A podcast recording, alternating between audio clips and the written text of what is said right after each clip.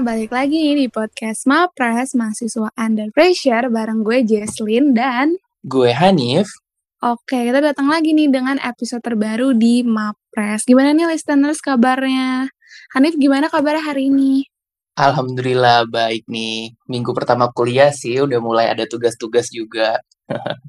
Oh, lo udah masuk kuliah ya? iya. Oke. Kalau Jesslyn gimana nih?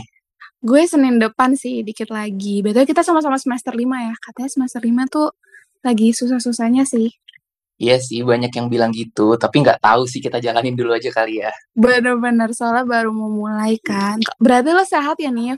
Sehat-sehat. Jesslyn gimana? Aku juga sehat dong. Kita juga berharap listeners yang lagi dengerin Mapres hari ini sehat-sehat ya. Iya. Ngomong-ngomong nih, pernah nggak sih ngerasa kayak waktu udah kuliah nih di depan laptop seharian penuh buat belajar atau ngerjain sesuatu hal yang mungkin menurut Jesslyn ini produktif, tapi eh, ngesampingin kebutuhan Jesslyn yang lain kayak misalnya makan, tidur, bahkan ke kamar mandi pun jadi kayak susah gitu loh. Pernah nggak sih? Eh, pernah banget. Pernah banget. Apalagi di semester kemarin sih, karena tugas juga banyak kan. Terus at some point, aku juga ngambil banyak kesibukan gitu loh, Nif. Kayak, aku tuh punya perasaan untuk ngemaksimalin waktu untuk terus kerja, kerja, kerja. Sampai, itu tadi, aku tuh pernah tidur cuma 2 jam. Ya itu bad banget sih. Kalau kamu pernah nggak? Pernah sih, pernah banget. Sama kayak yang disebutin Jesslyn tadi sih. Ya kan, apalagi nih ya, um, lo pernah juga gak sih ngerasain atau mungkin listeners juga nih ngerasain hal yang sama. Di tengah pandemi ini tuh, orang kayak berlomba-lomba banget buat jadi produktif.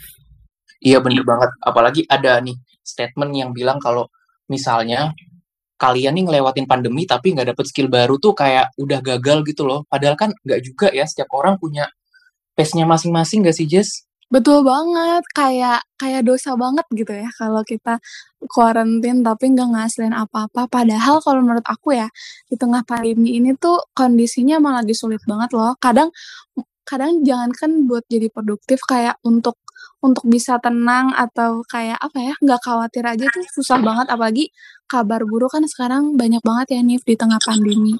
Mm-mm, bener banget. Kecenderungan orang-orang untuk terus jadi produktif itu ternyata ada istilahnya loh Nif. Oh iya, apa tuh? namanya toxic productivity. Nah, artinya toxic productivity itu obsesi yang ekstrim dan berlebihan untuk terus kerja dan menjadi produktif. Oh gitu ya. Jadi kayak lu tuh ngerasa bersalah kalau lu tuh nggak produktif gitu nggak sih? Bener, karena sebenarnya sih ya, yang bikin dia toxic itu bukan produktifnya atau kerjanya, tapi karena kita tuh terobsesi untuk terus-terusan kerja. Misalnya nih kita punya 24 jam sehari, terus kayak kita tuh punya kecenderungan untuk pengen maksimalin 24 jam itu untuk kerja terus gitu. Karena mungkin kita punya banyak hal yang dikerjain ya, tapi jatuhnya malah mengesampingkan hal-hal lain dalam kehidupan kamu gitu. Misalnya makan atau tidur. Oh iya iya iya. Berarti kayak ngerasa bersalah ya kalau kita nge-treatment diri kita sendiri gitu. Bener banget. Anyway nih Jesslyn, toxic productivity itu ada ciri-cirinya loh. Hmm, gimana tuh? Yang paling penting nih ya, kalian tuh harus sadar kalau kalian ngalamin yang namanya toxic productivity gitu. Hmm. Nah, ciri-cirinya tuh kayak gini nih. Kalian tuh suka bekerja berlebihan sampai ngebahayain kesehatan, sampai mengganggu hubungan sosial kalian gitu. Hmm.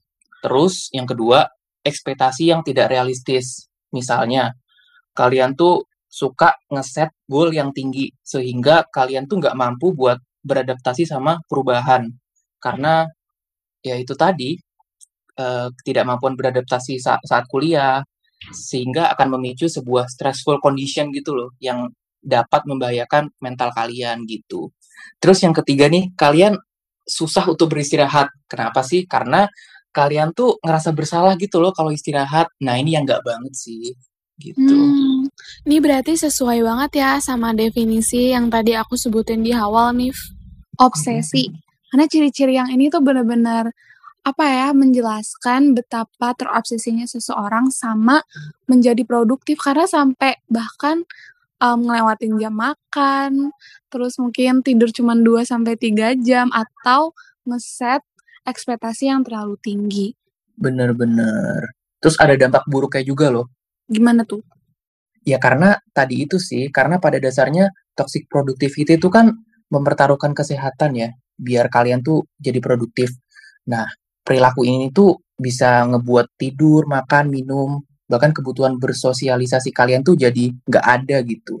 Terus Wih. nih, perilaku ini tuh juga uh, ngebuat orang tuh rentan terkena stres gitu loh. Ya nggak sih, Jess? Hmm, karena ya, kalau yang aku bayangin juga nih dari penjelasan Hanif tadi, toxic productivity dan obsesi untuk obsesi kita untuk jadi produktif itu kayak sama aja dengan mendefinisikan produktif itu dengan terus bekerja, bekerja, dan bekerja. Padahal kita tuh kan manusia ya, kita naturally bisa ngerasa capek, ngerasa ngantuk, ngerasa makan, dan kalau misalnya listeners juga udah ngerasain hal-hal kayak gitu, itu sebenarnya tanda loh dari tubuh kamu kalau kamu tuh butuh istirahat, recharge energi, dan lain-lain. Bener banget, apalagi sampai ngerasain burnout nih, yang bikin kalian tuh malah hilang minat terhadap sesuatu yang biasanya kalian kerjain, misalnya ke pekerjaan, kebiasaan, atau hobi yang awalnya sangat diminati nih dengan kalian ngalamin toxic productivity, ini malah jadi turun gitu loh. Nah, ini bener banget nih. Ini menurut aku yang harus di-highlight banget dari toxic productivity karena kecenderungan kamu untuk terus bekerja itu sebenarnya bukannya nggak pernah ngerasa capek, tapi kayak nggak pernah mengakui kalau kita ngerasa capek nggak sih, Nif? Iya, itu bener. Itu iya poin kan? pentingnya sih. Hmm. Bener banget dan dari dari kecenderungan kita untuk gak mengakui kalau kita capek, kita tuh gak mau istirahat. Karena kita juga udah udah bikin ekspektasi kalau produktif itu selalu kerja kerja dan kerja. Nah, karena kamu capek banget dan gak pernah istirahat, akhirnya kamu jadi burnout itu tadi, jadi kehilangan motivasi. Nah, kalau udah kayak gitu nih, yang tadinya tujuannya mau jadi produktif, tapi malah nggak bisa produktif nggak sih kalau kita hilang energi dan kehilangan motivasi juga? Iya bener banget Jesslyn. Nah kalau udah kayak gitu berarti listener sekarang udah kebayangkan seberapa buruknya nih toxic productivity. Karena namanya aja udah toxic ya Nif, berarti harus kita atasin gak sih? Iya bener banget harus diatasin ya. Betul banget.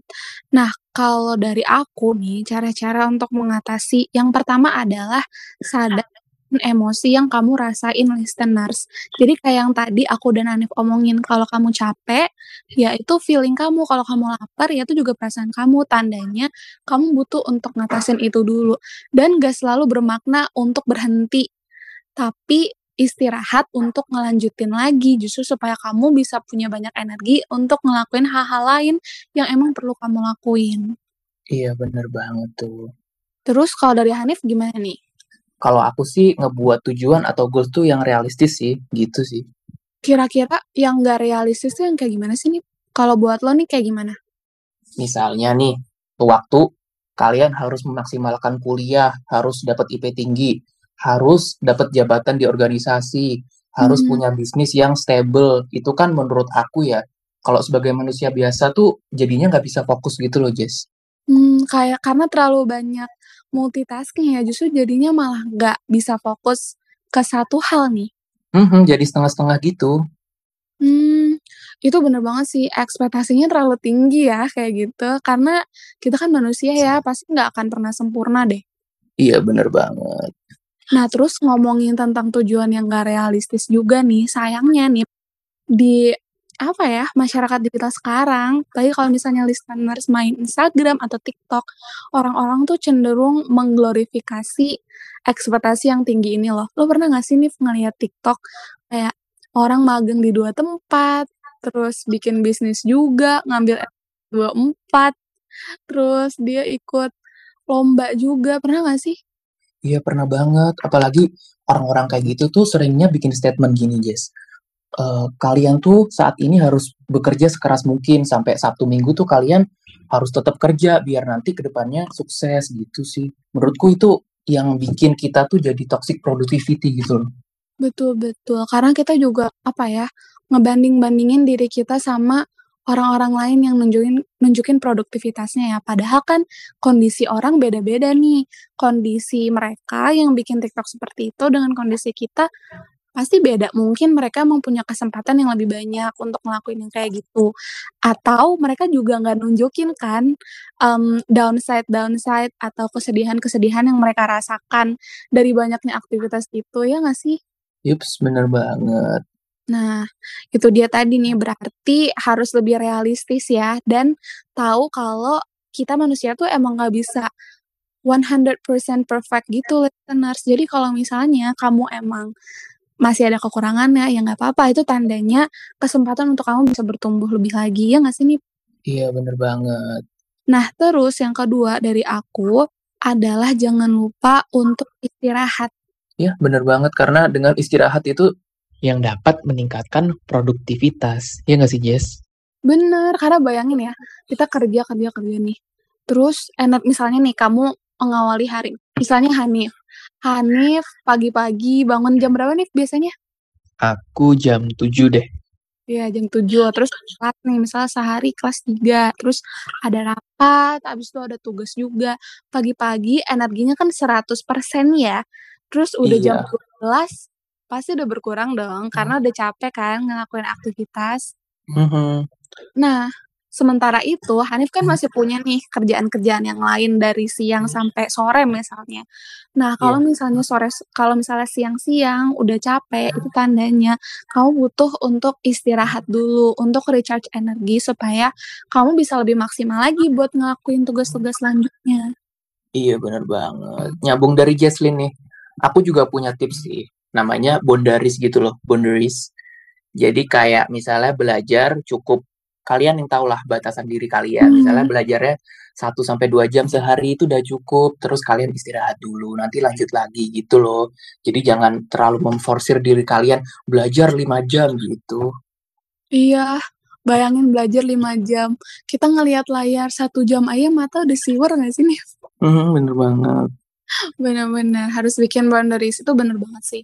Dan boundaries orang juga beda-beda, jadi jangan samaratakan deh. Jadi, mmm, listeners juga bisa nih belajar untuk mengenal diri kamu sendiri dan nge-set boundaries yang emang cocok untuk kebutuhan kamu. Yups. Nah, terus satu lagi dari aku nih ya untuk mengatasi toxic productivity. Kalau buat aku, toxic productivity itu kan juga terjadi karena kita terlalu ngambil banyak job desk nggak sih, Nif? Iya, gimana tuh tipsnya? Iya, karena kita terlalu ngambil banyak job desk, jadinya kita kayak punya kecenderungan untuk kerja kerja kerja. Tapi kadang hal-hal yang kita lakuin itu kita nggak bener-bener tanya ke diri kita sendiri, kita nikmatin nggak sih atau kegiatan itu bermanfaat nggak sih buat kita. Nah, kalau ternyata kegiatan yang kamu lakuin salah satunya itu nggak sesuai sama tujuan jangka panjang kamu, mungkin ada hal yang harus kamu let go nih listeners, kayak nggak semuanya harus kamu pegang, tapi kamu bisa prioritasin hal-hal yang emang pengen kamu kamu usahakan, hal-hal yang menurut kamu bermanfaat buat diri kamu sendiri. Dan jangan lupa juga untuk berani berkata no atau menolak gitu. Terus nih aku juga mau nambahin sedikit nih additional tips buat kalian misalnya yang lagi pengen belajar, pengen fokus. Misalnya nih, ini namanya Pomodoro Technique sih. Jadi misalnya kalian butuh belajar tuh 100 menit. Kalau misalnya kalian belajar 100 menit tuh langsung, mungkin di tengah-tengah atau tengah ke akhir tuh kalian bakal nggak fokus lagi gitu karena Mmm. udah capek gitu loh. Nah, kalau aku punya teknik nih, bukan teknik aku sih, namanya Pomodoro Technique. Misalnya kalian 100 menit belajar, jadi kalian bagi tuh jadi 4, 25 menit, 25 menit, 25 menit gitu. Jadi di sela-sela 25 menit itu kalian take a rest, kayak istirahat 5 menit gitu. Mmm, iya iya, jadinya kita bisa refresh lagi gitu ya? Yups, bener, refresh lagi untuk melakukan sesi yang 25 menit yang tadi gitu. Mmm, berarti Hanif ngelakuin ini nih di tadi keseharian kamu? Belum sih, baru baca.